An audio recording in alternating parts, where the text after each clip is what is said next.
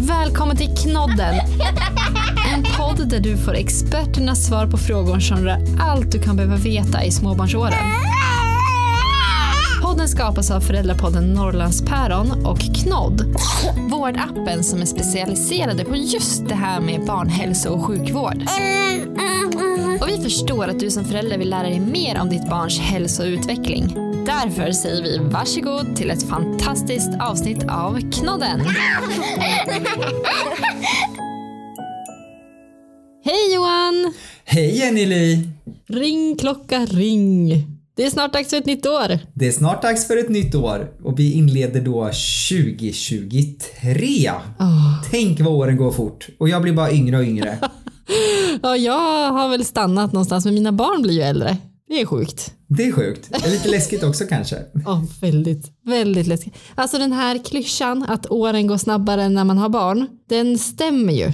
Det är, det är ju det jobbigaste, att barnen går ju och växer så man förstår ju inte vart åren tar vägen medan man själv känner sig fortfarande som så här 20.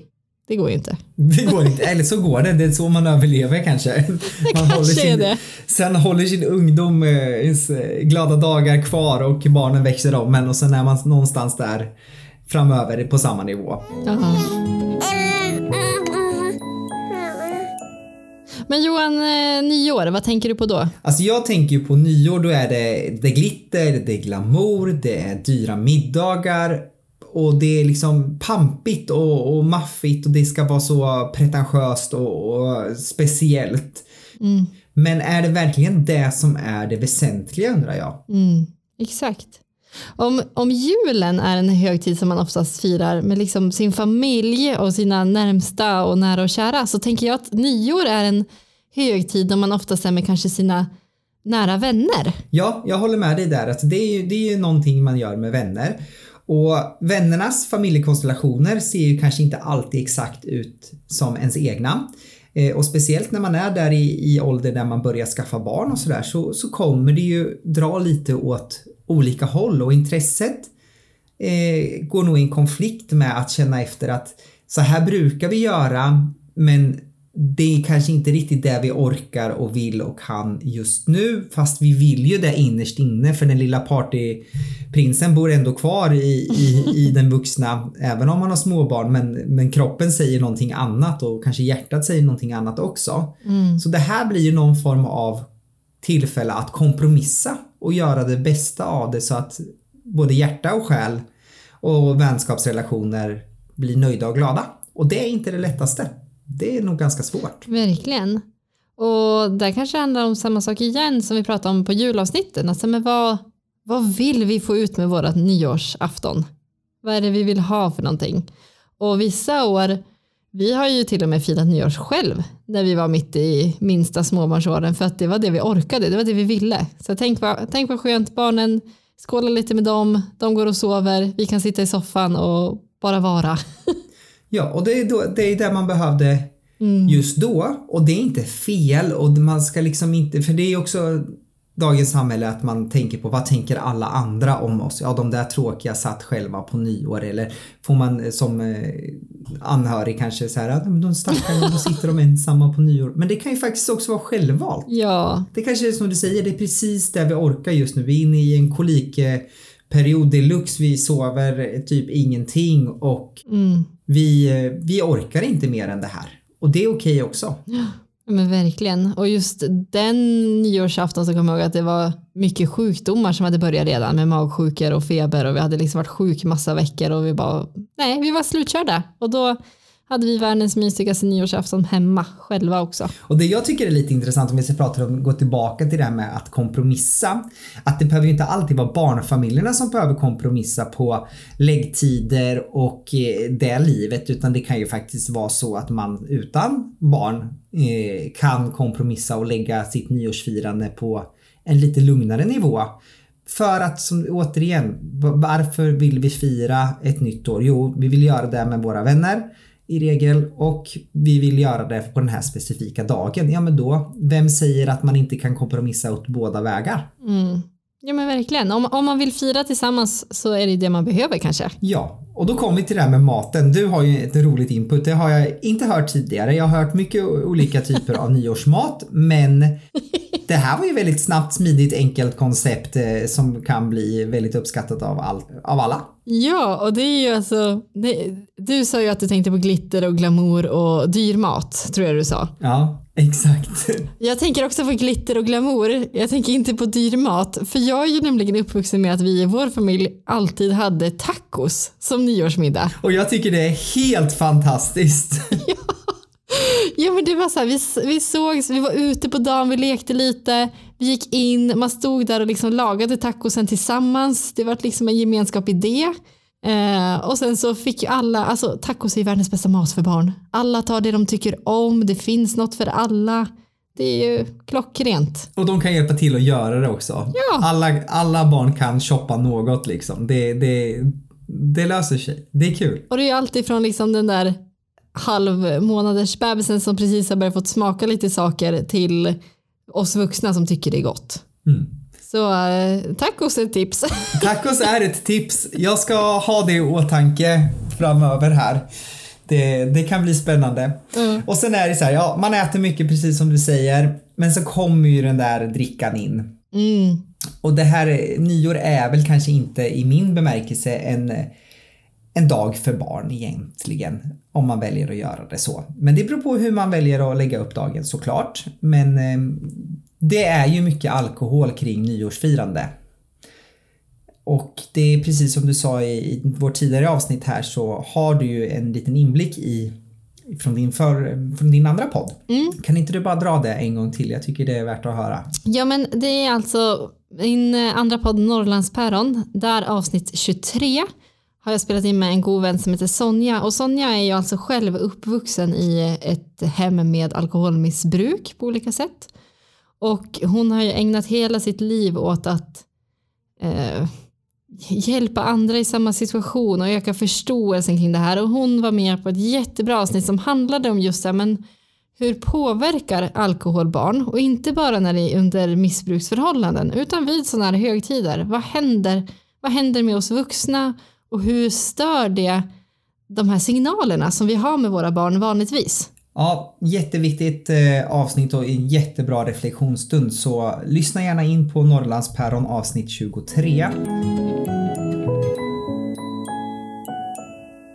Och när vi pratar om eh, sådana här lite tungare saker så vill jag ändå prata lite om smällarna. De har ju minskat nu på sista tiden relaterat till ljud och eh, störningsmoment och miljön såklart. Men de finns fortfarande. Och det är faktiskt så, eh, jag kollar lite siffrorna, att ungefär 100 personer eh, skadas allvarligt av fyrverkerier eh, varje år. Vanligast är skador på ögon, huvud och händerna. Det sista årtiondet har i snitt 24 personer behövt läggas in på sjukhus på grund av vård med skador orsakade av fyrverkerier. Ungefär på 40% av dem är skadade under 18 år. Det vill säga barn som egentligen inte ens har lov, laglig lov att hantera fyrverkerier överhuvudtaget. Så det kan vara viktigt att tänka på. En kombination av eh, alkohol, fyrverkerier kan leda till förödande konsekvenser. Och så många nyårsfiranden nu som jag har varit på, på olika former av torg eh, och firat in torgslaget. Och har varit med om att fyrverkerier har skjutits av mitt bland folkmassorna. Det är mycket fylla, det är eh, bråk. Så om jag skulle få rekommendera er lyssnare någonting så välj inte de här superstora folkmassorna på offentliga platser för nyårsfirande med era barn. För det är inte riktigt en säker plats för barnen. Mm. Har du någon tankar kring det när jag säger så Jenny? Nej, men jag tänker att det vi har gjort med våra barn är också att eh, ah, jag förstår att man kanske har barn, bebisar som sover i barnvagn och då kanske det känns lätt att ta med dem till sådana här platser. Men då som sagt ha det här säkerhetstänket och säga men är det verkligen en bra idé? Kan vi gå en promenad någon annanstans och stå i lite lugn och ro och titta istället? Eh, men när barnen sen blir lite äldre och inte kanske sover i vagn så har ju vi alltid gjort ett nyårsfirande för barnen innan tolvslaget. För att vara vaken till tolv är också väldigt svårt för små barn att vara.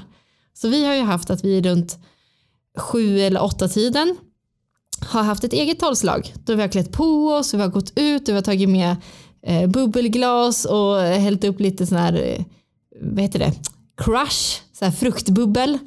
Eh, och så har vi skålat och tänt lite tomtebloss ute tillsammans bara. Eh, och det har varit liksom vårt nyår. Vi har haft en nedräkning, vi har haft skålen, vi har haft tomteblossen och sen så går man in och så är barnen oftast ganska nöjda och antingen tittar på någon kortfilm, de som är lite äldre och sen sover eller de små går och lägger sig på en gång. Och då när de vaknar så är ju det ändå ett nytt år. Så att skapa ett minitolvslag är väl min rekommendation efter den tid som passar er och era barn och gör det till en grej istället för att gå ut i de här stora folkmassorna. Jag tycker att det är en helt fantastisk idé och den är så rätt på så många olika sätt. Och precis som du säger också att eh, det här kanske man gör även fast man inte är hemma. Och då, då kan vi också tänka lite på det här som vi har pratat om i tidigare avsnitt, att släppa lite på ramarna. Vi har ju pratat om att barn behöver de här boxningsringsramarna för, för att få en trygghet och veta vad regler är och vilka gränser man ska ha. Men i och med att det är de här gummisnoddsramarna så är det liksom lov att flexa i det här. Och nyår kan ju vara ett bra sätt att, att flexa och freestyla lite. Barnen tar inte skada av det här. Det är okej okay om de är trygga i sin natur. Så kommer de här små förändringarna eller lyxgrejerna eller släppa på reglerna eh, falla väldigt väl ut under den här dagen. Man kanske får sova över i någons, någon säng tillsammans med två andra barn under tiden mamma och pappa eller vårdnadshavarna firar sitt nyår. Eh, man kanske får äta lite mer socker än man brukar eller dricka Loka Crush bubbel eller någonting mm. annat. Men våga släpp lite på, på ramarna. Mm. Ja men och det vi, vi har ju gjort det några år. Eh, både att vi har sovit över hos andra som kanske inte sover hos vanligtvis eller att de är uppe längre. Och ofta så blir det ju kanske lite, lite stök dagen efter. Alltså att man ska ha frukost eller att man ska eller att barnen är lite tröttare eller så. Men då får man ju helt enkelt anpassa dagen efter också lite grann till det här speciella.